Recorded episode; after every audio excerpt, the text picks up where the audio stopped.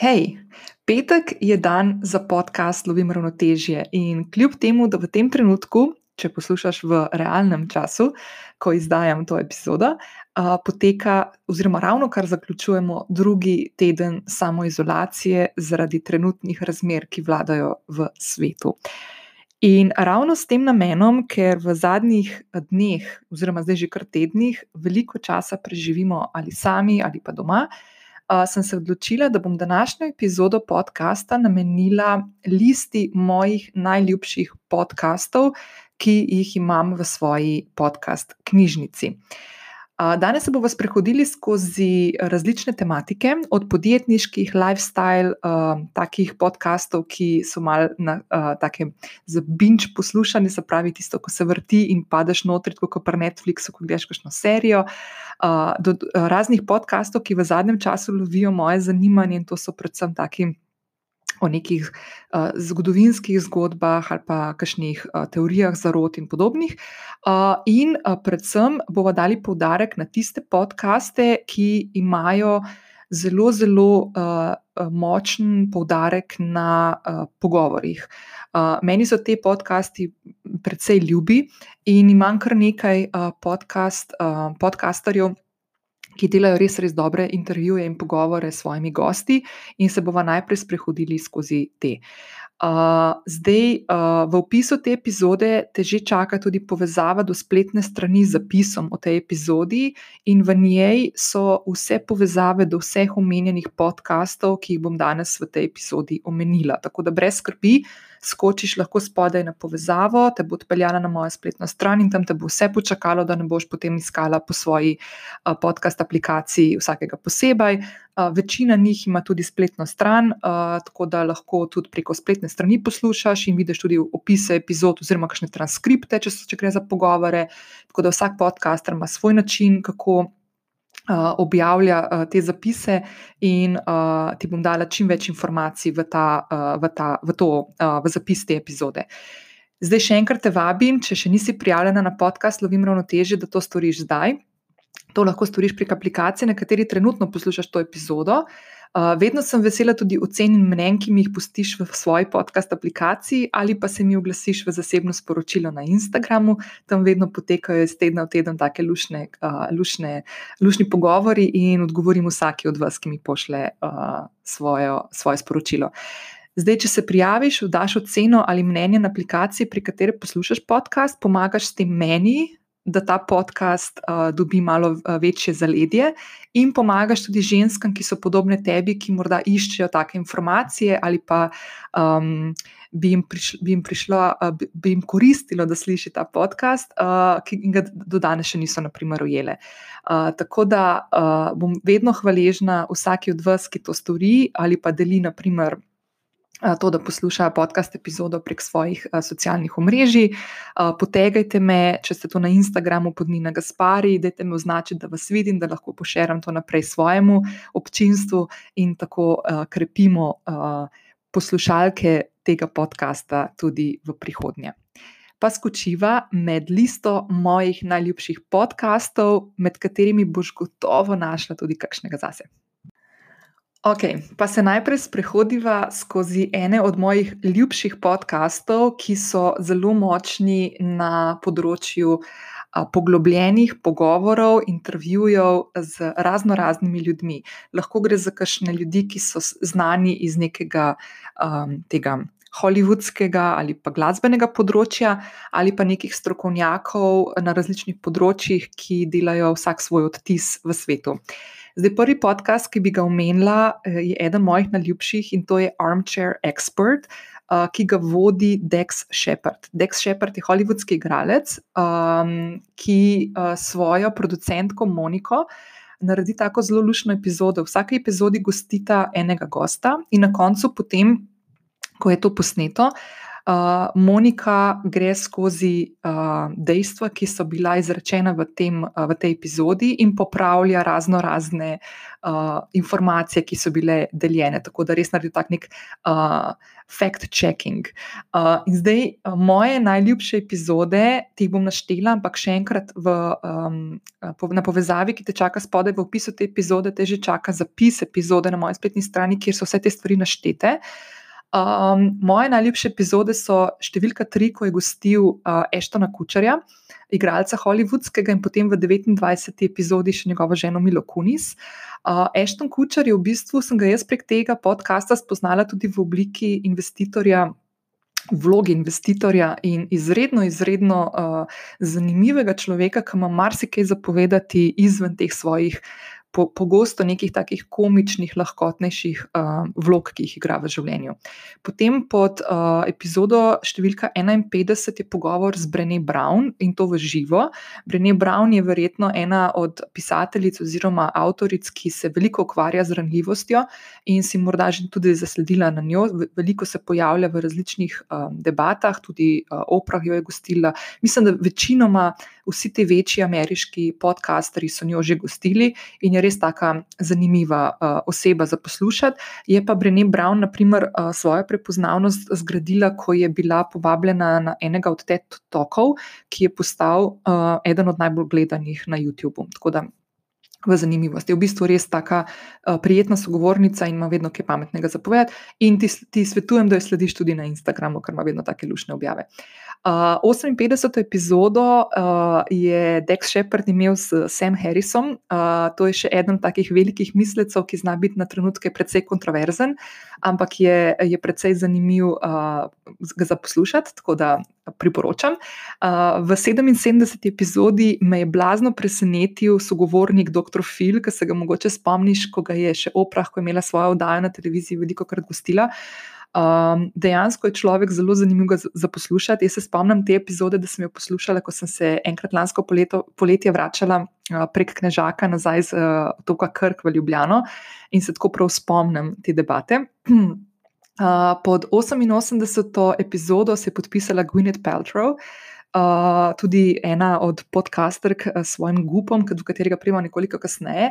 Uh, tudi zelo, zelo zanimiva debata, v kateri sta veliko govorila o ločitvi, o tem, kako se je uh, skozi ločitev potem pogovarjala z otroci, kako je zgradila svojo, uh, svoj lifestyle imperij, gup in tako naprej. Tako da precej, precej zanimivo. Uh, S to sedmo epizodo se spomnim, ker je gostil kuharico Samin Musrat. Uh, kasneje smo lahko njo gledali v štirih, mislim, štirih delih epizod uh, na Netflixu, um, ko je kuhala in potovala po svetu. Mislim, da je bilo salt, uh, sugar, fat, pa. Uh, Acid, meni se zdi. Tako da, fulj zanimiva tudi serija na Netflixu, ki jo zelo priporočam uh, v ogled. Uh, Moji najljubši epizodi, uh, Armchair Expert, trenutno do tega trenutka sta pa 125. epizoda, ko je Dex Shepard gostil uh, župana Los Angelesa Erika Garcetija. Uh, blazno, blazno, blazno zanimiva epizoda z vidika, kako um, en župan vodi eno tako prestolnico, vele, vele mesto, kot je, uh, kot je Los Angeles, ni prestolnica, no, ampak vele mesto, multimilijonsko. Multi, uh, um, in je ena stvar, ki se spomnim, tudi spomnim se, kdaj sem to poslušala. Spet sem se vozila v avto proti Dolenski, kjer smo se dobili z družino na kosilu v Dolenskih toplicah. Uh, ob enem od obiskov mojega strica Emila v Sloveniji, In se spomnim, da sem se vozila uh, dol proti Dolenski in sem ta podcast poslušala, in me je blazno fasciniralo, to je bilo lani poleti, in me je blazno fasciniralo, kako uh, on v Los Angelesu se spopada s problematiko električnih skuterjev, naprimer, ki so lansko poletje tudi pri nas tako bum naredili in smo uh, pešci in kolesari na trenutke kar malo noreli, ker se je tole po mestu, sploh v Ljubljani, odvijalo in so bili blazno, blazno hitri in tako naprej. Tako da, fulj zanimiv uh, intervju z županom. Eleja pod 125. številko. In eden od krasnih intervjujev s krasno sogovornico, ki je v zadnjih letih na področju uh, nadlegovanja, predvsem spletnega nadlegovanja, naredila en velik, velik premik. In to je epizoda številka 149, se je Dex Shepard pogovarjal z Moniko Levinski. Zdaj, Moniko Levinski poznamo iz ene od zgodb, um, iz zgodovine politične, rečemo, ampak Monika Levinski je dejansko bistveno več od tistega škandala v ovalni pisarni. Uh, zelo zanimivo je, kako ona danes, kot odrasla ženska, gleda na tiste trenutke, ki so se ji dogajali, ko je bila stara 21 let. In moram reči, da ko sem poslušala to, to epizodo, da sem zgradila eno tako ogromno, ogromno spoštovanje do Monike Levinski. Tako da, če te zanima ta tema, ti priporočam, da skočiš na Armchair Expert uh, epizodo številko 149. Zdaj, drugi podcast, ki sem ga začela poslušati v zadnjem času. Uh, in ima tudi tako zanimive sogovornike in koncept, je Naked, uh, Scat Sedler. Zdaj, če si slučajno kdaj gledala uh, Entertainment oziroma e-channel, uh, potem veš, da je Cat Sandler bila ena od um, uh, uh, novinark, ki so pokrivali uh, novičarski del tega programa, se pravi News. Um, in uh, mislim, da je dve leti nazaj dala odpoved, ko je slišala, da njen kolega, moški, zasluži enkrat več kot ona za enako, oziroma na trenutke še malo manj delov kot ona. Um, in od takrat, ko ko je dala odpoved, je počasi se začela postavljati uh, in naredila med drugim tudi podcast. Zdaj na tem podkastu, kar je zanimivo, je, da vse uh, goste gosti v svoji spalnici doma.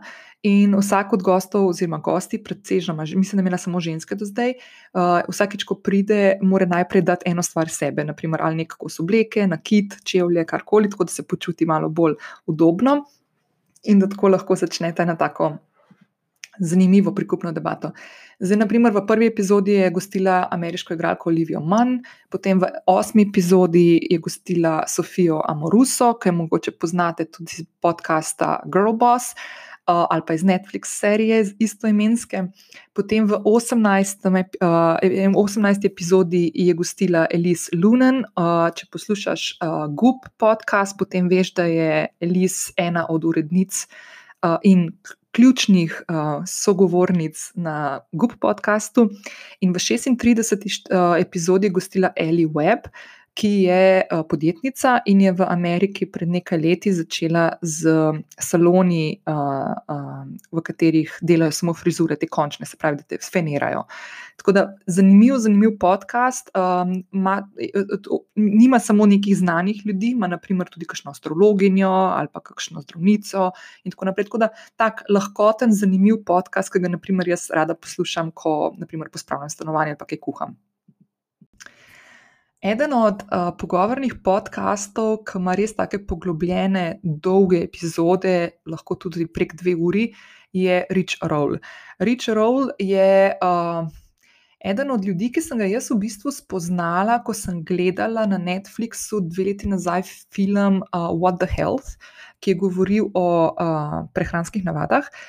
In uh, se je tam pojavil tudi Rich Roll kot ultramaratonec oziroma ultratriatlonec in eden od najmočnejših ljudi na svetu, ki je, mislim, da v enkrat v desetih dneh pretekel sedem Ironmanov ali nek, ne, neke take nore, nore izzive si daje. Drugače je Rich Roll, mislim, da je tam star Mičkan čez 50. Zelo dobro zgleda, tako da greste lahko tudi pogledat malo Instagram. Um, Rich Roll je drugače, um, nekoč, v, on temu reče, ker malo v prejšnjem življenju je bil odvetnik, uh, potem je padel predvsej v, v alkohol, tudi malo v drogo in je šel na odvajanje. In ko je prišel ven, mislim, da je bil star 38 let, ko se je malo sestavil, se je začel intenzivno ukvarjati spet s športom, predvsem s plavanjem in tekom. Uh, in uh, začel je uh, um, takim zelo, zelo, rečemo, zdravim, poglobljeno, premišljenim življenjskim stilom. Uh, Rich Roll je drugače uh, vegan.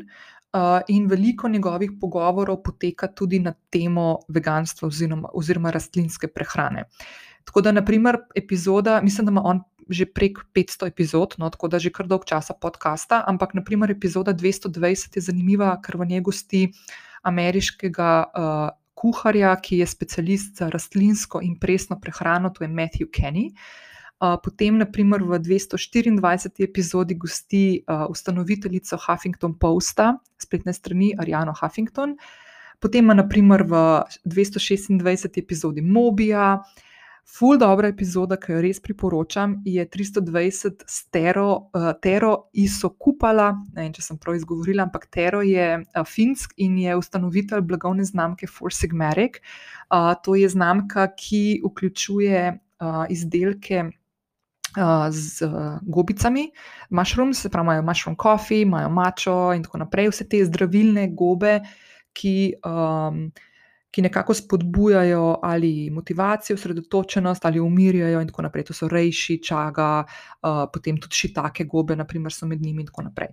Uh, ful, zanimiv sogovornik um, in eden od ljudi, ki način, kako gradijo svojo blagovno znamko, For Sigmatic, je tako res amazing. Tako da, če te to zanima, tudi malo marketinški vidik postavljanja blagovnih znamk, ti ful svetujem, da spremljaš For Sigmatic na Instagramu in na vseh ostalih kanalih, pa tudi Tero na Instagramu. Mislim sicer, da ima, da ima zaprt profil. Uh, ampak, če mu pošlješ request, uh, je možno, da te bo potrdil. No, jaz ga spremljam in mi je full fine. Smo se celo nekaj pogovarjali lani poleti, ko je bil na Hrvaškem, če se bo kaj v Sloveniji ustavil. Tako da, full, full, full, zanimiv sogovornik, ki ga tudi večino uh, večino teh velikih podcasterjev ga zelo rado povabi v, v goste. Potem pod 324. epizodo Rich Rolla in njegovega podcasta najdemo Louis Hausa, ki je tudi eden od podcasterjev, do katerega še pridemo, ki ima zanimive sogovornike in teme. Uh, Louis House je drugače uh, uspešen uh, športnik, mislim, da je gre rokomet. Uh, uh, celo za, potegoval se je celo, da bi bil del ekipe uh, za zadnje olimpijske igre. Uh, drugače je pa um, moški, ki veliko, veliko um, pozornosti daje na moško ranljivost. Meni je to ta taka, taka tema, ki mi je blazno zanimiva in njegove podcaste rada poslušam tudi zato, ker imajo mečkan drugačen moški vidik na pogovore z gosti, ki jih ima. Potem Rich Roll zelo rad gosti tudi Guruja Singa, to je uh, en starejši gospod, uh, ki je zelo, zelo popularen v online svetu, ima veliko tudi online meditacij. Uh, in je tak zanimiv sogovornik. No, tako da, če te zanima malo meditacije in te stvari, je lahko to ena od epizod, ki te bi bila lahko zanimiva. To je 332, ampak kot rečeno, mislim, da je gostoval v prek desetih epizodah um, pri Richu Rolu. Uh, Potem je 334, je Tim Ferris. Tima Ferrisa verjetno poznaš, on ima tudi en krasen, krasen uh, podcast, do katerega še prideva. Uh, ne bom naštevala vse stvari, ki jih on počne, ampak poleg tega, da je investitor, podcaster, pi, uh, pisatelj, da je napisal ful zanimivih knjig in tako naprej. Je tudi odličen, je odličen izpraševalec uh, in ima krasne, krasne pogovore tudi na svojem podkastu. In pri Richu Rowlu sem, Rich Roll je mene dejansko ujel in uh, očaral uh, z epizodo 367, ko je gostil italijanskega zdravnika Walterja Longo. Walter Longo je strokovnjak za um, dolgo in zdravo življenje. Se pravi, on raziskuje uh, ljudi, ki dosegajo visoke starosti in pri tem ohranjajo zdrav način življenja, se pravi, da dosegajo visoke starosti, zaradi tega, ker so na zdravilih, ampak dejansko pre, preučuje stoletnike, naprimer na Japonskem, na Sardiniji, tudi v Furlaniji, Julijski krajini, v predeljih sveta, ki so poznani po tem, da. Um, njihovo prebivalstvo dosega bistveno višji odstotek stoletnikov, kot naprimer kjerkoli drugje po svetu. Uh, temu se v angleščini reče longevity in uh, je ful zanimiv, uh, blazno, blazno zanimiv sogovornik uh, na temo tudi prehrane. Je on, naprimer, konkretno kot italijan, mislim, da prihaja iz Barija na jugu Italije. Uh, je uh, šest dni na teden, absolutno on kot zdravnik, naprimer na rastlinski prehrani, se pravi na veganski prehrani, sedmi dan je ribe. Uh, je pa fulj zanimivo, ker naprimer, um, sta imela z Richom Rowlom, ki je vegan, zelo močno in, in zanimivo debato na temo um, študije, ki jo je, katere, oziroma podatkov študij, do katere je prišel dr. Walter Longo, da ljudje po 65. letu starosti potrebujemo živalske uh, beljakovine in da eh, prehrana, ki jo do takrat lahko imamo, se pravi, naprimer, da je to veganska in je lahko tudi dobra, uravnotežena veganska prehrana, eh, po letu 65 ni dovolj. Tako da, fulj zanimive stvari, sploh za tiste, ki se morda malo bolj ukvarjate s prehrano, pa vas take stvari zanimajo. Uh, potem Rich Roll je gostil še uh, Juvalan Hoaka Hararija, se pravi uh, pisatelja izraelskega, ki je med drugim napisal tudi Sapiens knjigo in podobno. Potem uh, Vima Hofa, uh, ki je zdaj v zadnjem času, sploh zdaj le ga vidim v zadnjih dveh tednih, ga ljudje na Instagramu zelo porajtajo, ker ima svojo, svoje dihalne vaje, ki pomagajo pri preprečevanju oziroma odganjanju tesnobe. Moram reči, da sem se tudi jaz tega uh, mal začela lotevati v teh zadnjih dneh, predvsem za prejšnji teden, ko sem imela še kar mal težave s tesnobo. Potem gostil je tudi Jacka Dorsija, ustanovitelja in, oziroma soustanovitelja in direktorja um, Twitterja, pa Russell Brenta, Ryana Holidaya, ki je uh, eden od mojih ljub, najljubših pisateljev in njegovo knjigo The Daily Stoic, vsak dan primem v roke zjutraj. Pa potem Marka Mansona, tudi pisatelja, pa Edwarda Nortona in tako naprej. Vse te številke teh epizod, ki sem jih zelo naštela, jih bom dala v, v ta opis epizode, ki ga najdeš spodaj v povezavi. Naslednji v vrsti krasnih um, izpraševalcev je Louis House s svojim podcastom The School of Greatness, v katerem je gostil od Tony Robbinsa, Donalda Millerja, Elizabeth Gilbert, Larry Kinga, Gabby Bernstein, spet Brené Brown, Rupi Kaur, ki jo naprimer poznamo po poeziji in je naredila svoje ime, dejansko si ga izgradila na um, na Instagramu. Tudi, tudi Louis ima, naprimer, krasne, krasne podcaste. Uh, ima pa tako, da ima te, ki so pogovorni po, uh, deli. Uh, so lahko dolgi tudi več kot eno uro, potem pa veliko, veliko takih hitrih, uh, na, bolj podarkov na nekih nasvetih, nekih hitrih, krajših podkastov, ki so tam tudi med vem, 6 minut in 10 minut dolgi. Um, tako da je uh, Louis House še enkrat zanimiv za ga poslušati. Um, iz tega vidika, ker pokaže uh, moško razmišljanje tudi mogoče malo na drugačen način, naprimer skozi to neko svojo uh, samo opazovanje, samo refleksijo in um, pot, ki jo je prihodil sam skozi razno razne padce in uspone. Uh, in meni je blazno všeč njega spremljati, predvsem z tega vidika, ko kaže svojo ranljivost. Uh, in je tako. Meni dejansko je eden od najbolj zanimivih podcasterjev uh, s tako res precej globoko tematiko na trenutke. Naslednja dva podcasta, ki jih bomo menila in sta krasna zaradi um, zanimivih pogovorov, sta podcasta velike Oprah Winfrey. In jaz moram reči eno stvar, da ko je bila Oprah Winfrey še na televiziji, ko je imela svoje oddaje, meni nikoli ni blazno potegnila. Tako iskreno povedano, nikoli nisem čist dobro mogla sprejeti, ker mi je bila preveč intenzivna pa veliko tega kričanja je bilo, pa uh, in takih um, mal zaigranih uh, čustvenih trenutkov, in tako naprej. Nikakor mi ni nikoli nekaj zelo blazno potegnilo. Moram reči, da njeni podcasti so čist zgodba zase in jih ful, ful rada poslušam. In uh, Oprah ima uh, dva podcasta, sicer uh, ta drugega, Masterclass, je zdaj že kar nekaj časa ni bilo nobene nove epizode, ampak če še nisi poslušala, ti absolutno svetujem, da skočiš na Oprah's Masterclass. Uh, Uh, Gorma, naprimer, zgodbe, ki jih govorijo, ne gre za pogovore, ampak gre za zgodbe, ki jih govorijo razno razni ljudje. Naprimer, Jane Fonda pove svojo zgodbo, Ellen DeGeneres pove uh, svojo življenjsko zgodbo, potem Maja Angelou, pokojna Barbara, Barbara Walters, uh, znana ameriška voditeljica in novinarka. Mene je blazno sezu ameriški igralec Bill Bob Thornton, uh, to je bivši mož uh, Angelina Jolie, če se spomniš, uh, ki mi je vedno tako deloval, tako malce tipičen američan, tako malo butast na trenutke, ampak dejansko je blazno, blazno, noro, noro inteligentna oseba in je noro, noro dobro poslušati njegov podcast o svoji zgodbi, ki govori. Odkje je prišel, kako zdaj živi, na kakšen način, kje so tiste njegove ključne življenjske vrednote, in tako naprej.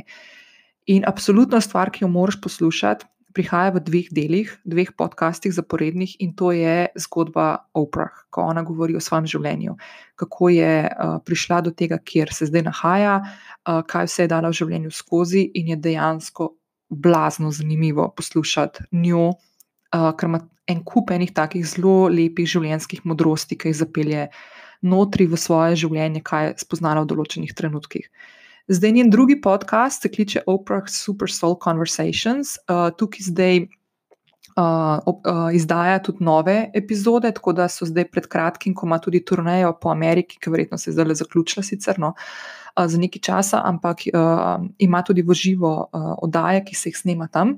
Uh, drugače so pa uh, v Super Soul Conversations že imela goste, intervjuvance in sicer od Pabla Coelja do Alenis Morissette potem Howard Schultz, uh, bivši uh, predsednik uprave Starbucksa, pa Don Miguel Ruiz, ki je naprimer en tak krasen pisatelj, ki ima svojo knjigo uh, The Four Agreements, ki si naročena na moje enovičke, si dobila v januarskih enovičkah uh, tudi zbirko knjig, ki, ki ti jih svetujem, da jih prebereš, med drugim je bil tudi Don Miguel Ruiz notri.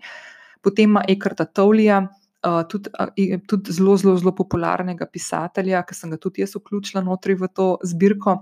Uh, z njim ima celo uh, več epizod posnetih, v katerih se sprehajate skozi njegovo knjigo The Power of Now in razlagate skozi vsako epizodo enega od poglavij, tako da ful, ful, zanimive stvari. Potem tukaj Shonda Rhimes, ona je uh, producentka in mislim, da piše tudi no, scenarije za en kup enih um, TV oddaj, od Grey's Anatomy do um, How I Got Away with Murder. Pa tako, mislim pač taka, ful zanimiva. Pa Shonda Rhimes je dala ven knjigo um, Saying Yes. Mislim, da je Saying Yes. Bom pogledala, pa bom dala v uh, opis epizode. Um, v bistvu, kako je v enem letu se odločila, da bo vsem stvarem, ki, katerih se boji in jih noče narediti, rekla: Ja, tako fully zanimivo. Pa potem spet Maj, Majo Angelo je gostila, Rama Dasa, zdaj pred kratkim umrlega, uh, tudi medita, uh, medita, um, uh, strokovnjaka za meditacijo in enega od uh, ljudi, ki jih uh, zelo, zelo uh, veliko ljudi spremlja zaradi misli, ki jih je zapisal. Tudi bil je, mislim, da na Harvardu je učil je bil profesor. Tak, zelo, zelo, zelo zanimiv gospod, ki je pred kratkim, mislim, da še mesec, dva nazaj, nažalost, umrl, ampak zelo zanimiv um, za prebiranje. Pa potem Reese Witherspoon, Steven Colbert, Trevor Noah, Gary Zukav je full zanimiv podcast. Tina Turner in podobni. Tako da ti svetujem, da skočiš tudi uh, k oprah na Super Soul Conversations ali pa na Masterclass uh, in poslušaš njene zvočne zapise, ker so res navdihujoči. Ok, in zdaj ta zadnja dva podcasterja, uh, ki imata krasne intervjuje in pogovore, poglobljene, dolge, zanimive, z res zanimivimi in vsestranskimi gosti iz raznovrstnih področji, sta dva, ki sta verjetno najbolj znana v svetu, tako da ne bom nič konkretno novega ti odkrila. Ti bom pa za vsakega od njih, pove, od njih povedala nekaj epizod, ki so, naprimer, meni bile res nore, in če jih nisi poslušala, ti priporočam, da jih, oziroma da z njimi začneš uh, spoznavati oba. Prvi je Joe Rogan uh, in uh, on je podcaster že res, tako, res noro dolg časa. Plus, da ne govorim o tem, da daje podcaste praktično na dnevni ravni ven, uh, kar je čisto fascinantno. Tako da zdaj, ko bom povedala številke, um, boš, boš lahko si predstavljala, da to da so to kar neke take konkretne številke. Že. Tako da uh, podcast epizoda 1289 je gostila uh, angliškega igralca, aktivista, maratonca Edija Izarda.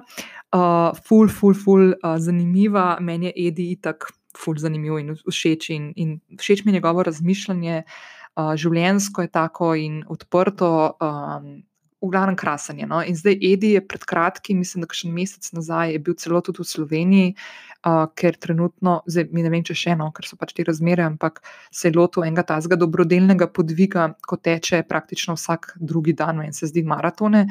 Uh, tako da, fulj zanimivo. No?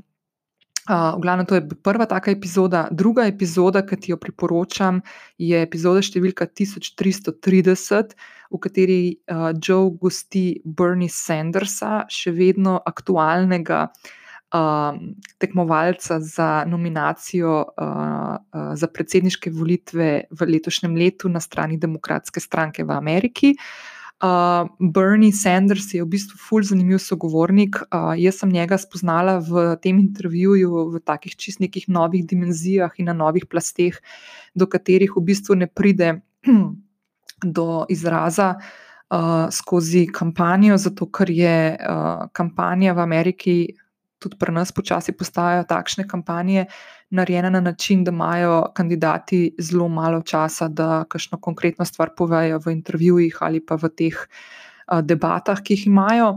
Um, in jaz se spomnim, da sem to epizodo poslušala, ko sem se enkrat uh, peljala iz Ljubljane proti Krku, lansko poletje, in mi je bilo tako noro, res. Mislim, da sem pol dvakrat poslušala še to epizodo, ful, ful, zanimiva.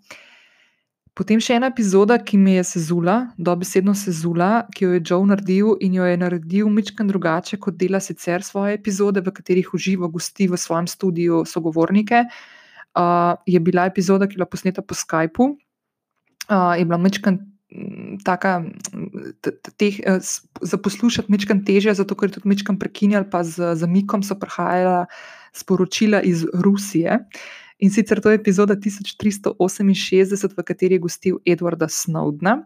Edward Snowden je znani žvižgač, whistleblower, eh, ameriški, ki je včasih delal za ameriško eno od obveščevalnih uh, služb NSA. Um, in je uh, nekaj let nazaj razkril javnosti določene podatke um, o tem, kaj ameriške obveščevalne službe, katere podatke zbirajo o ameriških državljanih in uh, je zaradi tega moral, uh, da je zbežal pred tem, da bi ga zaprli kot uh, izdajalca, je zbežal v Rusijo, kjer še vedno živi. In je v bistvu ta epizoda fulj zanimiva, zato ker Edward Snowden razlaga, zakaj so ti podatki, ki se jih je on odločil pred leti. Razkriti javnosti, zakaj je to tako pomembno, da vsak od nas se zaveda, uh, kako lahko uh, država oziroma obveščevalne službe prisluškujejo oziroma spremljajo naše aktivnosti življenjske, ko mi za to ne vemo. In to lahko prek uh, e-mailov, prek uh, mobilnih telefonov in tako naprej. Uh, epizoda se sicer konča zelo pozitivno v tem smislu, da ne, ljudje ne skrbimo, da zdaj pa vsako našo, na, vsake naše sporočilo na WhatsApp ali pa kjerkoli drugje spremlja neka obveščevalna služba, v našem primeru Sova. Uh, da, ampak da pač je pa fino, da se malo zavedamo tega in uh, temu primerno se obnašamo na raznih omrežjih in z razno tehnologijo, ki jo danes vsi uporabljamo. Sploh v teh dneh, ne, zdaj, ko smo doma in ko smo še toliko bolj priklopljeni na razno razne uh, aparate in omrežja, je fajn, da se vedno zavedamo uh, in smo odgovorni pri uporabi slednjih. Uh, in 1413 epizoda je pa gostila enega od mojih najljubših ameriških voditeljev uh, oddaj, uh, teh večernih, ki jih imajo uh, na raznih uh, kanalih. Ta konkretno mislim, da se odvija na HBO, ampak nisem sigurna. In to je Bill Maher. Uh, Bill Maher je tudi en tak zanimiv sogovornik, ki uh, je zelo provokativen na trenutke, uh, ampak je tak. Um, ima neko globino in uh, zanimive, zanimive informacije, ki jih podaja. Uh, in v svoji uh, oddaji, ki sicer zdaj je na, na pauzi, uh, mislim, da vsak petek, uh, The Real Talk, uh, oddajo in uh, tudi v tej epizodi, uh, kjer gosti pri Joe Rognu. In zadnji od teh krasnih uh, izpraševalcev, jih je sigurno več, ampak teh ključnih mojih, je Tim Ferris. Uh, uh, ki sem ga že omenila, uh, da je gostoval pri Louis Houseu, naprimer, pa še tudi druge pri Richu Rowlu in tako naprej. Uh, Tim Ferris je en tak blazno zanimiv ameriški pisatelj, investitor, podjetnik. Um, Veliko meditira, v glavnem, tako tak res zanimiv uh, človek za poslušati, in ima izredno, izredno zanimive goste in način, kako jih, um, kako jih sprašuje, oziroma kako vodi komunikacijo. Tako da uh, Vsi ti ljudje, ki sem jih danes naštela, so dejansko eni taki uh, mojstri postavljanja vprašanj in mojstri v tem, da od sogovornika potegnajo res, res zanimive zgodbe in vsebino, ki je krasna potem za poslušalca, ko to posluša. Tako da zdaj Tim Ferris ima tudi ogromno, ogromno enih. Um, Uh, podcast epizod, tako da jih ne bom naštevala. Bom naštela štiri uh, takšne, ki se jih res tudi jaz še vedno spomnim, ko sem jih poslušala. In ta zadnja, ki bom posebej omenila, je morda epizoda podcasta, ki je meni osebno ena od najboljših od vseh epizod podcastov, ki sem jih poslušala kadarkoli, definitivno najljubša od Tima Ferisa. Tako da, naprimer, 343. epizoda s Sethom Goldenom. Seth Golden je uh, marketinški guru, rečemo temu, ima tudi svojo um, uh, marketing šolo na uh, spletu, potem ima krasen e-mailing, uh, daje ven tudi uh, super zapise, blog zapise, take fine, fine teme. In je, naprimer, po, pogovor z njim bil tako ful zanimiv.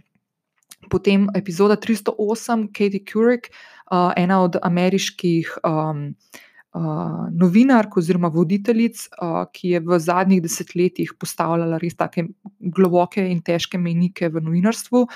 Um, zelo zanimiva, uh, govori tudi o tem, kako je mislim, da je bilo to leta 2008, ja, kako je naredila intervju s takratno kandidatko za podpredsednico Amerike, Sarah Palin, ki se je potem zelo, zelo, zelo zalomil.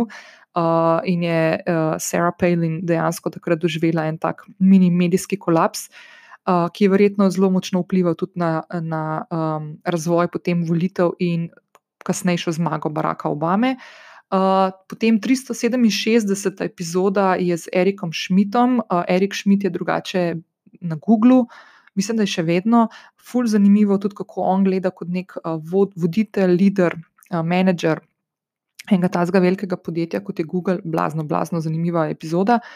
In 366. epizoda uh, podcasta Tima Ferisa, prosim, zapiši si jo. Uh, to je epizoda, v kateri je Tim gostil angliškega pisatelja Nila Gajmana. In zdaj ta epizoda, mislim, da ima naslov uh, intervju, ki sem ga čakal 20 let. Uh, Tim si je fulž želel narediti intervju z Nilom Gajmanom, svojim enim, enim od njegovih najljubših pisateljev, in ta epizoda je tako res amazing. Tako, ne znam drugače povedati, ampak Neil Gaiman je pisatelj, ki v tej epizodi razlaga o tem, kako se loteva pisanja nove knjige, do tega, kakšne zvezke uporablja, naprimer, zakaj moleski in zvezki niso več dobri, um, uh, kaj se je z njimi zgodilo v zadnjih nekaj letih. Naprimer, jaz moleskin uporabljam non-stop, že desetletje več in nisem tega opazila, ampak sem pa začela to malo spremljati, ko je Neil Gaiman začel o tem govoriti in ker sem poslušala ta podcast. Gledam, res, res, res noro, noro dober podcast. Um, Huda energija, ki se je ustvarila med, uh, med obema, ko ste pogovarjali, in to je definitivno podcast, ki sem ga, po mojem, poslušala že ne petkrat. In vedno znova uh, mi je žal, da sem ga že kadarkoli poslušala, ker ga ne morem svežimi ušesi in možgani še enkrat poslušati čisto na novo. Tako da res, res, res ti svetujem, če si malo kreativka, če te zanima pisanje, če te zanima to ustvarjanje, ta. Um, Mogoče ta romantični pogled na enega pisatelja, na njegovo življenje in ustvarjanje, je to epizoda, ki definitivno trga gate, po domač povedan. Tako da zelo priporočam. 366. epizoda podcasta Tim Ferris in Neil Gaiman. Okay, zdaj se bomo malo hitreje sprehodili še skozi ostale podcaste. Uh, te so malo lifestylerski in, naprimer, ne moramo iti mimo gupa. Uh, jaz sem sicer uh, o gupu tudi svoje mnenje, pa malih z rezervo jemljem, ampak dejansko mi je blazno zanimivo, kakšne tematike odpirajo. In na določenih področjih, ki, um, ki se jih lotevajo prvi, znajo doživeti veliko kritik, tudi potem v medijih. Uh, tako da Goop je podcast, ki ga je ustanovila Gwyneth Paltrow, ameriška igralka, uh, in je nekako. Naslednik oziroma podaljšana veja spletne strani goop.com, ki je tak lifestylerski uh, portal. Um, in različne tematike se lotevajo. Zdaj, tako na Goop podkastu imamo dve osebi, ki vodita pogovore. Eno je lahko Gwyneth, kjer naprimer, se pogovarja tudi z Oprah Winfrey, je naredila en podka, uh, eno epizodo, pa z Michelle Pfeiffer, naprimer, je naredila pogovor in tako naprej, ko govori bolj s temi. Res, res težkimi, težkimi, uh, znanimi osebnostmi, težkimi v obliki, um, da so res velike, velike osebnosti. Uh, druga je pa urednica Gub podcasta Elise Lunen. Ki ima pa tudi sogovornike zanimive in to ima od vem, računovodje do astrologije, do uh, rejki, strokovnjakinje, potem veliko tudi, naprimer, kakšnih teh uh, manifestacijskih gostov in tako naprej. Tako da, fulj zanimivo. In zdaj na Gub podkastu imaš od tega, da se pogovarjajo o premagovanju nekih notranjih kritikov, ki jih imamo vsako sebi, kako to premaguješ, do poporodne depresije, astrologije. Uh, potem prehrana, kuhanje, telovadba, meditacija, trendi v lifestylu.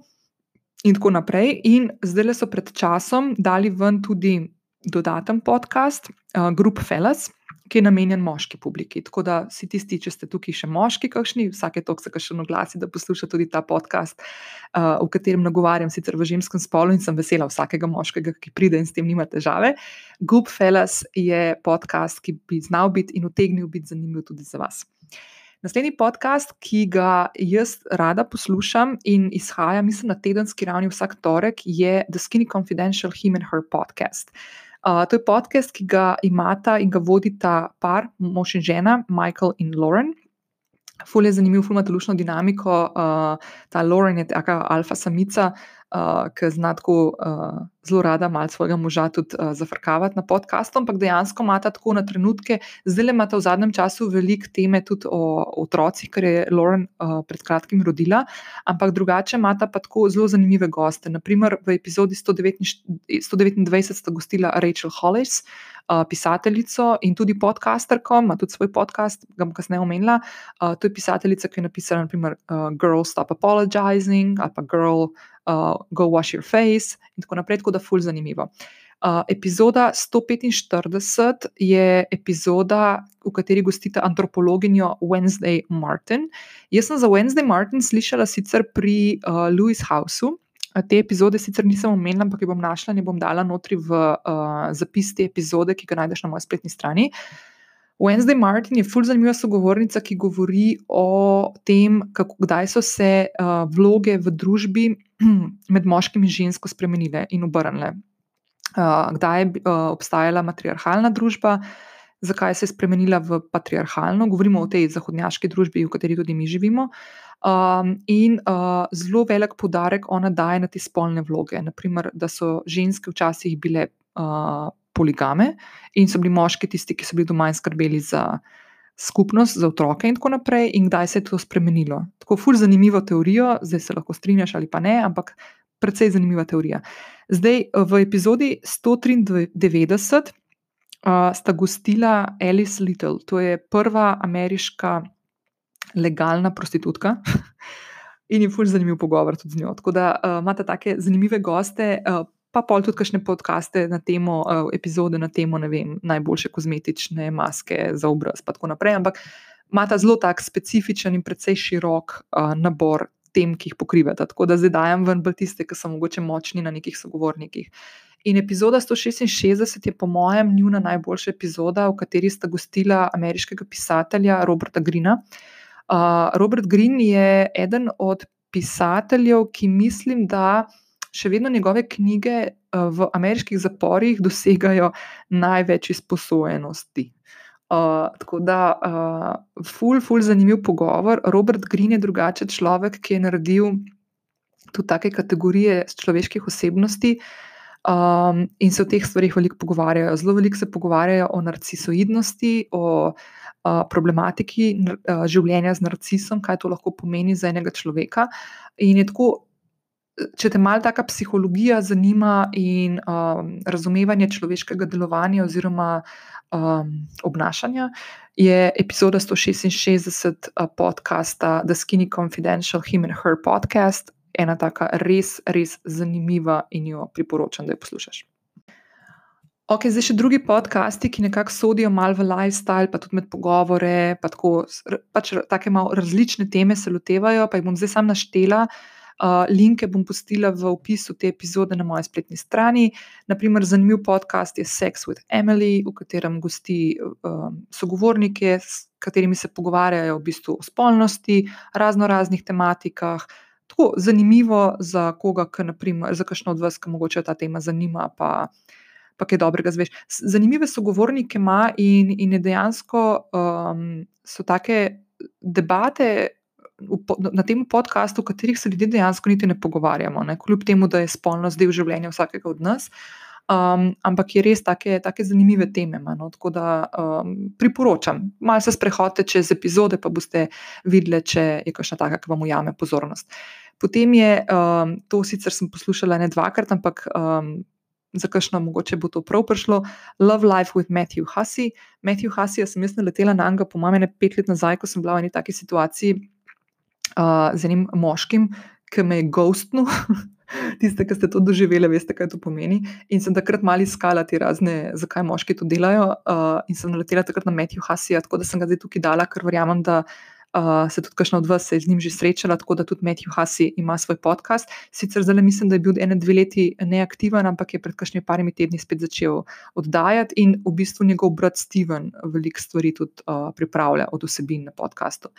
Potem je uh, naslednji, je Jay Shetty, On Purpose, tudi zanimiv, ima krajše podcaste, tako hitre, motivacijske, potem ima podcaste, kjer so v bistvu solo epizode, v katerih on govori, in potem so uh, podcasti, v katerih gosti um, tudi kakšne sogovornike. Zdaj, tako jaz, na primer, Jay Shetty, sem in tja poslušam. Moram reči, da na trenutke mi gre mečka na živce, zato ker to podarja to svojo izkušnjo, da je šel za meniha v Indijo, ampak ok, nima veze, uh, to je pač ta njegov brand. Tako da jaz se tukaj um, ne bom preveč zadrževala pri njemu, zato ker verjamem, da za Džeja Šeti ste morda že slišali. Je pa res, da je uh, lansko leto poleti uh, prišla ven ena taka, hm, predvsem močna.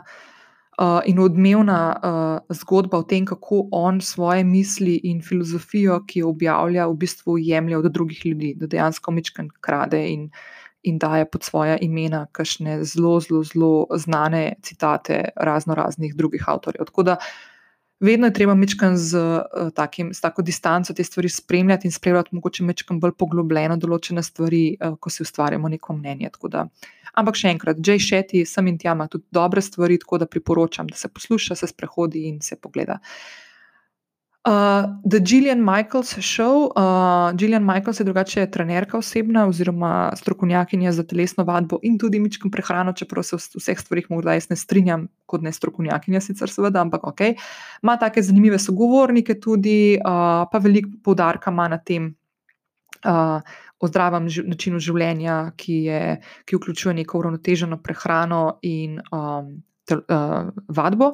Je pa tako, da ona je zelo, zelo močna uh, nasprotnica razno raznih diet, kot so keto, paleo in podobne stvari. Tako da uh, tukaj, če ste morda kakšne take med vami, ki ste zelo močne na kakšnih takih posebnih dietah, znate naleteti na kakšno na kakšno razmišljanje, ki je kontra vašemu, kar je nič narobe, ampak samo to, ko vam dam obvestilo, da je ona res, kar se tega tiče, zelo, zelo, zelo um, glasna.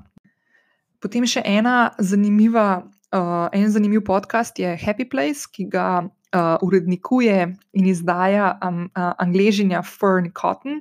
Uh, ona je drugače v Angliji znana kot televizijska voditeljica, uh, mislim, da ima tudi radijsko postajo in tako naprej. Tako da je taka uh, znana osebnost v Angliji in njegov, uh, njeni podcasti so pretežno pogovori z raznimi zanimivimi sogovorniki, med katerimi med drugim imela tudi gostila Hillary in Chelsea Clinton, naprimer, in nekaj angliških igralcev, naprimer tudi Russell Brand je bil pri njej in tako naprej. Tako da, mimo grede, Russell Brand ima tudi svoj podcast, ki je tudi na trenutke precej zanimiv in ima take zanimive teme. Potem tukaj naslednji podcast, ki mogoče sodi še tudi malo v ta pogovorni, pa mogoče malo tudi pod biznis podcast, je The Second Life. Um, tudi zanimive sogovornike, um, zanimive teme, uh, tako poglobljene podcaste, malo daljše debate. Rise podcast od Rachel Hollis, ki sem jo že prej omenila. Uh, to je ta pisateljica, ki je napisala Girl Wash Your Face, pa te, te knjige, mislim, da je štiri knjige zaporedno napisala, tako da tudi tako zanimiva uh, tematika in ima take lahko ima uh, pogovore s kakšnimi zanimivimi sogovorniki, sogovornicami ali pa take uh, hitrejše, krajše, motivacijske in inspirativne, navdihujoče uh, epizode. In potem na koncu še malo podjetniških podkastov, ki so morda mečkaj bolj obarvani na to temo uh, marketinga, uh, podjetništva, ki jih naprimer jaz poslušam in so mi tako fajn. Eden, ki ga enostavno ne morem, ne morem iti mimo njega, pa ga verjetno poznate, je Gary V. Audio Experience. Uh, Gary Vinerček, med drugim tudi pisatelj, izdal nekaj knjig, um, je tak motivacijski, inspirativen, navdihujoč uh, gostitelj in, in sogovornik. Uh, ima take zanimive podcaste. Jaz svetujem, da če se malo ukvarjate s tem ali pa naprimer z družabnimi omrežji, pa vas ta tematika mečkam bolj zanima, je to absolutno ena od stvari, ki bi jo svetovala, da, um, da skočite v njo. Potem je tukaj še Tony Robbins, gotovo ali pa zelo verjetno eden od najbolj prepoznanih coachov na svetu. Uh, tudi ima podcast, tako da se lahko tja skoči in pogleda malo v zakulisje njegovih uh, coachingov. Potem Bing Boss je še en tak uh, podcast, uh, ki ima zanimive teme um, na temo uh, podjetništva oziroma um, marketinga, PR-a tudi in tako. Uh, z, pogovori z različnimi podjetniki, lastniki podjetij in tako naprej. Potem je Gold Digger od Jene Kučer, ki je osredotočen spet na podjetništvo, male lifestyle, marketing, social medije, tako da tudi ta podcast je v bistvu precej tak zanimiv za vse tiste, ki vas zanima uh, podjetništvo, vstop v podjetništvo uh, in tako naprej. Girl Boss Radio od Sofije Amoroso, spet uh, sem jo prej že omenila kot gostjo v enem od podkastov. Um, ona je drugače uh, uh, podjetnica, ki je zgradila, mislim, da dve veliki blagovni znamki, mislim, da je bila prva Nasty Girl in potem je bila, mislim, da je še nekaj naredila, pa napisala je knjigo. Tako, tako da take, ima tudi zanimive sogovornike, pejte malo pogledati, zanimivo. The Brandon Show je. Um, Spet tako bolj podjetniški šov, tudi na temo, kako delati digitalne tečaje, kako narediti kakšne podjetniške zgodbe na, na ravni um, uh, nekih membershipov oziroma članarin. Tako da, če koga zanima graditev neke take digitalne blagovne znamke, digitalnega podjetja oziroma neke podjetniške zgodbe, je lahko to zanimiv vir za različne informacije. In potem ta tretja, oziroma ta peta, je uh, Online Marketing Made Easy, Amy Porterfield, tudi fulj zanimiva sogovornica, ima različne uh, ljudi, ki jih gosti, ampak večinoma ima pa ona svoje neke take. Uh, hitre nasvete, ki jih daje na določenem področju, naprimer, kako krepiti in graditi svojo bazo e-mailov, in tako naprej. Tako da zanimivo. Potem je tukaj še Marie Forlio, ki je ne moramo pozabiti. Ne? Marie Forlio je tudi coach. In jaz sem v letošnjem letu uh, kupila tudi njen program B-School, uh, skozi katerega se bom začela počasi zdaj v teh dneh, ko, ko mičkam padam nazaj v neko normalizacijo situacije, se bom začela, bom nadaljevala z učenjem po njenem programu. Tudi ona je tako zanimiva, ima zanimive sogovornike in tematske sklope, ki jih sama odpira, ima kakšne epizode, ki so mečken daljši, ene epizode, ki so dolge po pet minut. Je pa stvar v tem, da ona drugače dela tudi na YouTubu, ima svoj kanal Marie TV. In kakšni podcasti so dejansko samo zvočni zapisi tistega, tako da včasih je mečkan zanimivo, kakšno stvar reče. Tako, you can watch this here, you can see this, pa v bistvu ne moreš videti, ker je podcast. Tako da, ni, naprimer, ne naredi teh nekih prilagoditev um, za podcast okolje, ampak nima veze. Zanimivo uh, za vse tiste, ki vas zanima podjetništvo ali pa se lotevate kakšnih podjetniških zgodb, je lahko to ena taka zanimiva, zanimiva uh, uh, linija nekih virov informacij, ki vam lahko pridejo prav. Zdaj še eden od podjetniških podkastov z mečkim drugačnim uh, načinom pripovedovanja, je podcast kanal Business Wars. Uh, in v tem podcast kanalu um, govorijo o vojni, v navednicah, podjetniški vojni, ki se je v nekem časovnem obdobju odvijala med dvema konkurentoma na nekem trgu. In meni, na primer, je totalno fascinanten ta podcast, zato ker lahko opazuješ um, z neko časovno distanco, seveda, neke podjetniške vojne med znamkami, ki jih morda nikoli prej nisi na tak način um, slišal ali pa razumel. Tako da, naprimer, uh, mislim, da je. Prek 20, če ne več, različnih zgodb. Um, vsaka od teh zgodb uh, je v večjih uh, epizodah, uh, tako da je kar veliko epizod tukaj za poslušati. Le, če, če te ta tema zanima, priporočam, da kar začneš. Uh, So pa zgodbe med drugim, naprimer med Boeingom in Airbusom, ali pa med Starbucksom in Dunkin' Donuts, oziroma ponovno Dunkin'. Uh, to sem jaz zelo glih včeraj nehala poslušati, sem jo zaključila, ful zanimiva stvar. Potem je naprimer Facebook proti Snapchatu, pa Netflix proti Blockbusterju. Pol, naprimer, če je še uh, ljubitelj avtomobilizma tukaj, Ferrari proti Lamborghiniju, pa McDonald's proti Burger Kingu. Uh, ful zanimiva te tematika je bila naprimer Coca-Cola proti Pepsiju. uh, vse od začetka, se pravi v začetku 20. stoletja, ko je Coca-Cola bila še uh, cocaine cola, ki se je klicala, pa kako se je pol dogajalo s to vojno, ki se je Pepsi pokazal in tako naprej. Tudi McDonald's pa Burger King je še v času tam začetkov McDonald'sa, ki je bila samo ena uh, McDonald's uh, um, restauracija. Pa potem eBay, pa PayPal, kako sta se dajala na trgu, tle se prvič omeni uh, tudi Elona Muska, ustanovitelja PayPala, kako se je odzival v, v tej borbi z eBayem, ful zanimivo za poslušati. Potem malo novinarska, uh, oziroma medijska zgodba med uh, dvema založbama in sicer med Hurstom in Pulicerjem. Pulicerje verjetno poznate kot um, Pulicerjeve nagrade. Eh, ki jih podeljujejo vsako leto, uh, najbolj prestižne nagrade za uh, novinarstvo.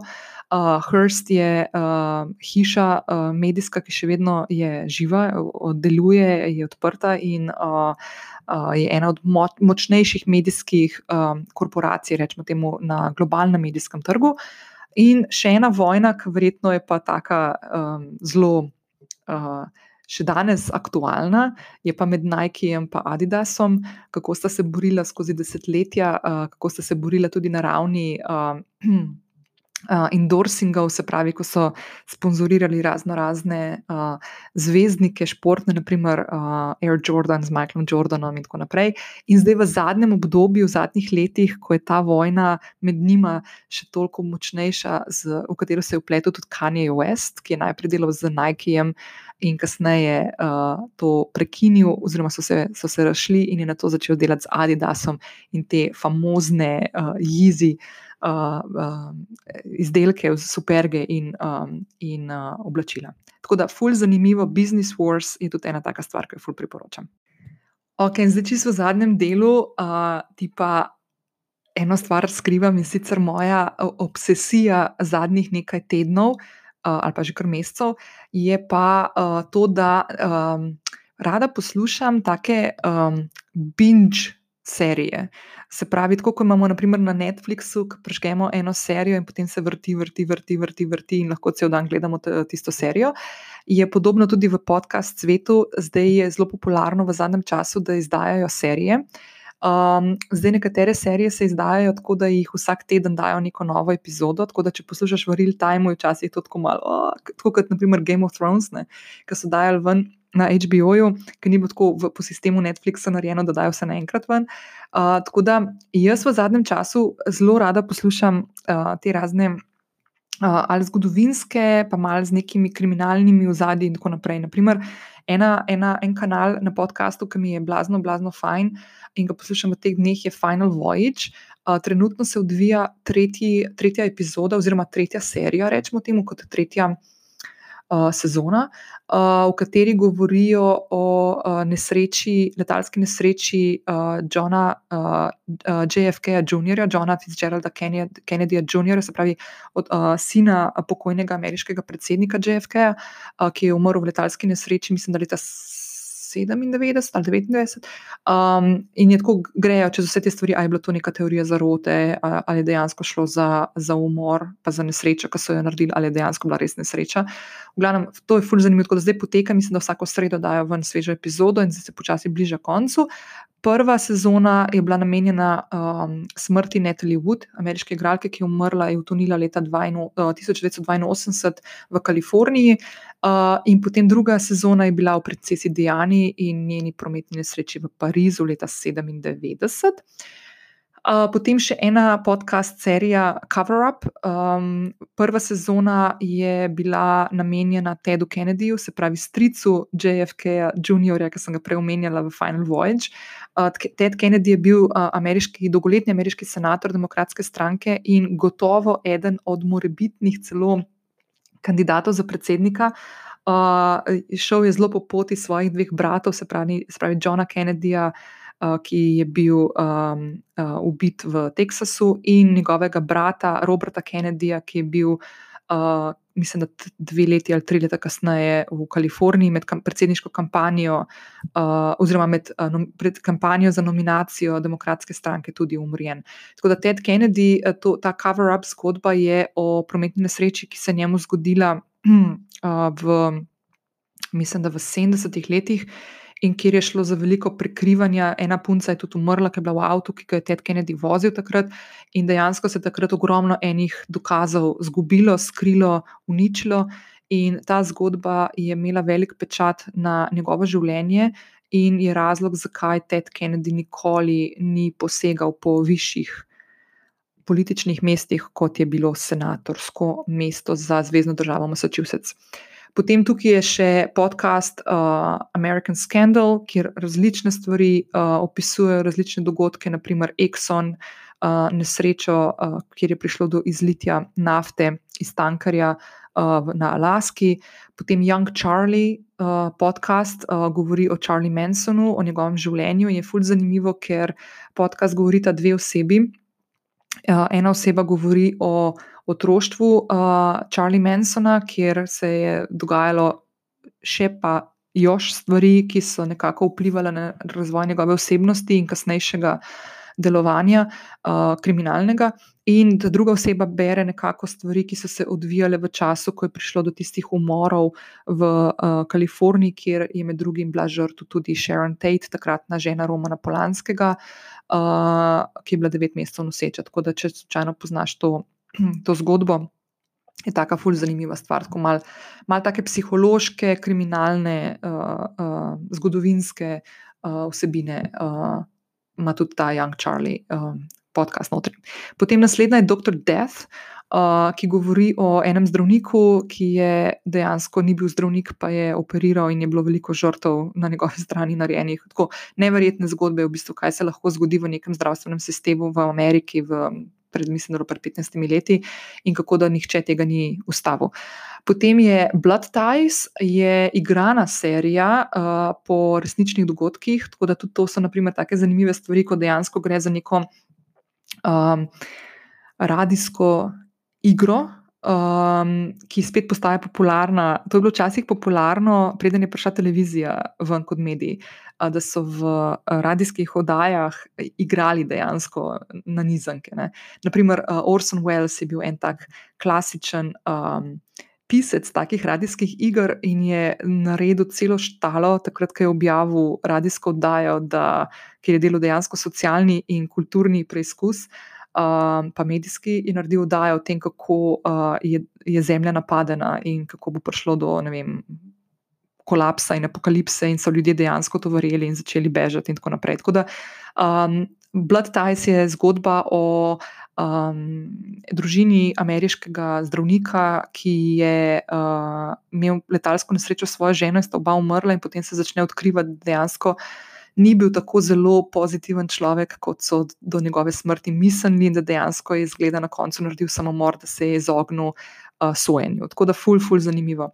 Potem uh, še en podcast. Ki je bil aktualen v zadnjih mesecih, predvsem in je še vedno, no, zdaj se je zgodba Mičkan utišala, zato ker se dogajajo v tem trenutku v, v svetu uh, bolj kot ne novice povezane na temo koronavirusa. The Mysterious Mr. Epstein, ki govori zgodbo o Jeffreyju Epsteinu, uh, lansko leto, avgusta, je naredil samomor, tik predtem, ko bi šel na, na, na sodišče. Um, to je um, Jeffrey Epstein, je veljal za enega od najuspešnejših investitorjev oziroma povezovalcev eh, v poslovnem svetu. Eh, bil je prepleten z političnimi osebnostmi, družil se je s predsedniki, znanimi in tako naprej. Dejansko je pa v zadju potekala ena taka grozna pedofilska mreža, katere um, gonilna sila je bil on. Uh, in je vključevala med drugim tudi kraljeve, člane kraljevih družin, in tako naprej. Tako da uh, ta podcast dejansko govori o njegovem življenju, uh, In je fulj zanimivo, ker kaže na to, da on dejansko sploh ni bil tako blazno uspešen in pameten poslovnež, kot se ga je predstavljalo v medijih, in kako je bilo to dejansko vse zelo zgrajeno. Ne?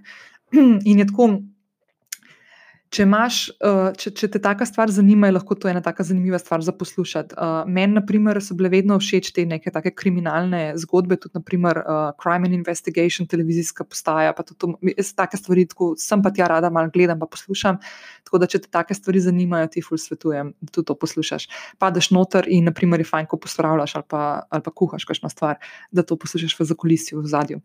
Potem še ena taka serija je Dirty John, uh, ki je bila narejena po filmu in po seriji. Tako da tudi ena taka zanimiva zgodba z razno raznimi zapleti in prepleti.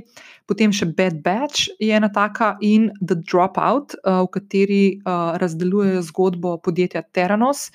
Um, to je podjetje, ki je pred leti uh, imelo je, uh, tako uh, mlado amer, ameriško uh, ustanoviteljico, ki je veljala za blazno sposobno žensko, uh, ki je z svojim čarom podjetniškim in sposobnostnim zapeljala en kup enih investitorjev, da je dobila ogromno, ogromno denarja v svoje podjetje, ki naj bi pripravljalo um, um, tele. Krvne, krvne preiskave, ki bi jih lahko doma delal, na podlagi tega, da bi, naprimer, doma si lahko vzel kapljico krvi in takoj preveril, kaj imaš za ene bolezni, oziroma bi lahko prek spleta s svojim zdravnikom dobil takoj neko diagnozo in uh, reševanje, zdravljenje teh, teh vhodnih podatkov oziroma situacije. Ta zgodba je se začela odvijati, mislim, da lansko leto je dosegla nek svoj vrhunec, ko je podjetje šlo v stečaj, ko se je ugotovilo, da dejansko je bilo vse zlagano. Uh, in uh, v tem trenutku uh, ta le gospodična uh, čaka na sojenje, ki naj bi se poleti začelo, in jo čaka visoka, visoka zaporna kazen. Tako da tudi ena taka stvar, ki se je odvijala v zadnjem obdobju, tudi v poročilih, tako da če slučajno kaj spremljaš te zgodbe iz Amerike in iz sveta. Uh, si gotovo to že slišala, in lahko še dodatno poslušaš neko tako zakulisje, uh, kaj se je tukaj dogajalo, tudi na vidiku um, pridobivanja investitorjev, v katerega so bile upletene velike, velike politične in podjetniške živine v predvsem Ameriki. In uh, je precej zanimivo poslušati, kaj lahko se zgodi, ko uh, odpovejo uh, neki uradi, ki ne bi spremljali uh, stvari na podjetniškem področju ali pa v življenjskem področju. Ok, in zdaj, preden zaključim, se bom sprehodila na hitro še čez par podkastov, ki jih izdajajo moji slovenski kolegi. Um, tudi slovenski podcast Svet raste in jaz sem blazno vesela, da je temu tako. Um, jaz sem s podcastom Lovim ravnoteže začela uh, decembra 2019, tako da sem precej še nova v tem, ampak se je tudi za mano že uh, pojavilo en kup enih podcastov, novih kanalov, ki, ki so dobri uh, in jih svetujem, da se jih posluša. Zdaj, um, ne bom šla naštevati podcaste, ki. Um, jih izdaja, naprimer uh, Radio in Televizija Slovenija, naprimer Toplovod, pa Radio Gaga in podobno, zato ker so to stvari, ki jih verjetno poznaš, oziroma so to oddaje, ki so dejansko radijske in so potem narejene. Um, so pre prenesene v neko podcast okolje. Tako da bom šla raje na te, ki so res podcasti in samo podcasti. Uh, Uh, naprimer, aparatus, Anže Tomič s svojimi eh, gosti, med drugim tudi uh, z Boštjanom Gorencem Pižamo, pa uh, Juretom Godlerjem, dela ene krasne pogovore. Aparatus ima sicer en kup enih podkastov, uh, ki so različne, uh, na različnih področjih, eni so taki malce bolj IT-ovski in tako naprej, ampak naprimer, konkretno aparatus pogovori uh, je tako zelo zanimiv podcast, um, kjer imajo super zanimive sogovornike iz našega sveta, uh, tako da ti ga ful, ful priporočam. Potem je tukaj za kulisje, ki ga pripravlja Alen, uh, tudi zanimive sogovornike iz različnih področji, oblikovalci, podjetniki, inovatorji in tako naprej. Tako da ful, ful zanimivo. In za kulisje je tudi eden od podkastov, ki je na slovenski podcast sceni od praktično samega začetka nekaj podobnega kot aparatus. Uh, potem je uh, kolega Klemen, ki dela uh, AIDEO, um, ima fulj zanimiv podcast uh, na temo um, podjetništva. Uh, potem uh, uh, krasne sogovornike, naprimer, zdaj pred kratkim je gostil, um, je gostil Marko Pavli, Marka Pavliho. Uh, Marko Pavliha je moj bivši sosed, uh, še ko smo na obali živeli v vasici Sveti Peter in jaz sem bila fulj fascinirana presenečena, ker sem mislila, da Marko ta poznam, pa sem skozi um, epizodo Aideja ugotovila, da o, o njem ogromno stvari ne vem. Tako da sem fulh hvaležna Klemnu, da ga je, da ga je povabil in gostil. Uh, potem je tukaj, naprimer, podcast, uh, Kozmo podcast, ki ga izdaja slovenska izdaja uh, svetovne revije Kozmopolitan. Uh, tukaj lahko povem, da v zadnji epizodi sem gostovala jaz in mi je ful dobra epizoda. Nočem biti samo všečna, ampak dejansko sem ful vesela, da sem bila povabljena in da sem imela z Ana Marijo res, res lušten pogovor. Uh, tako da lahko skočiš tudi tja in imajo ful, ful, lušne vsebine. Uh, in lahko povem, da bodo v kratkem izdali še eno, en še en podcast, še ene revije, uh, ki iz, iz, izhaja tudi v slovenskem jeziku. Uh, potem je Hey Happiness podcast, ki je v angleškem jeziku in ga izdaja krasna Nika Erčul. Uh, ki jo lahko spremljaš tudi na, um, na Instagramu, ki ima fulušne vsebine, veliko velik vsebin ima na temo rutin. Uh, veliko vsebin ima na temo sustainability, oziroma neke trajnostne mode, trajnostnega razmišljanja in načina življenja. Uh, potem ne smem mimo metinega čaja, ki je verjetno eden od takih podkastov, ki meni najprej ujel mojo pozornost in ga dela uh, so ustvarja, oziroma ustanoviteljica je Nataša Briški, bivša novinarka in dopisnica iz ZDA za Pop TV. Uh, tudi krasen, krasen podcast, full zanimive goste ima, ima tudi različne podcast uh, uh, kanale, potem za različne uh, tematske sklope. Um, mogoče bi še omenila um, podcast, um, zdaj le, mislim, da prav ta teden je izdal podcast od Davida Urankar na temo avtomobilizma. Uh, tako da res se podcast svet uh, blazno, blazno uh, spremenja, oziroma ne spremenja, raste in se razvija tudi pri nas. In jaz sem res full vesela, da nas je vedno več tudi na tem področju in da se en drugega podpiramo, bodrimo in. Uh, in omenjamo v svojih podcast epizodah, zato ker lahko tudi kakšnega od vas, oziroma mojih poslušalk, uh, zanima tudi kakšen drug slovenski podcast in je prav, da se te stvari omenijo. Aha, lahko še to povem, da ima malinca. Uh, spletna trgovina ima tudi svoj podcast, sicer ima eno epizodo zunaj in upam, da bo Nastja kmalo posnela še kakšno. Uh, tako da, evo, uh, toliko o slovenski podcast sceni, ki je res bogata, vedno iz dneva v dan bolj.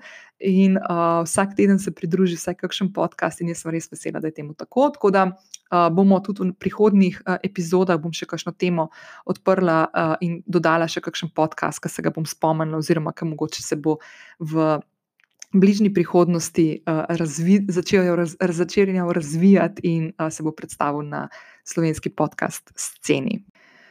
Ok, in mislim, da je to to za danes. Uh, Veliko enih informacij sem, vas, sem vam navrgla, ne se uh, sekirati, res pa so vse stvari, ki sem jih danes omenila, čakajo na spodaj na povezavi uh, v zapisu, ki sem ga pripravila za to epizodo, uh, tako da brez skrbi. Um, rada bi se še enkrat zahvalila vsem, ki uh, mi pošiljate sporočila, uh, ki mi uh, pošiljate krasne, krasne uh, take uh, print screene, uh, sporočila, kako uh, radi poslušate ta podcast, in sem zelo, zelo, zelo vesela. Uh, da se javite.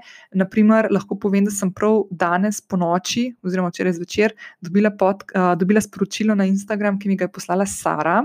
Pa bom kar prebrala, Sara, upam, da ne zameriš. Uh, hej, Nina, v trenutkih, ko uh, imamo vsi malo več časa, sem končno začela poslušati tudi podcast. Uh, kaj vse sem zamujala, da te nisem poslušala že prej, noro se poistovetim s tvojimi temami, čeprav nisem podjetnica. Zdaj odštevam že ure do jutri, ko upam, pride spet nova epizoda. Ne obupaj tudi v teh težkih časih, tvoje misli in ideje res dvigujejo in pomagajo loviti ravnotežje. Hvala za vse, lep dan, Sara. Sara, ful, ful, hvala. Um, in ti moram reči, da dejansko to, ko sem se danes uh, zbudila zjutraj, Uh, ta podcast snimam uh, en dan prej, se pravi v četrtek, jutri, jutri ga boste poslušali.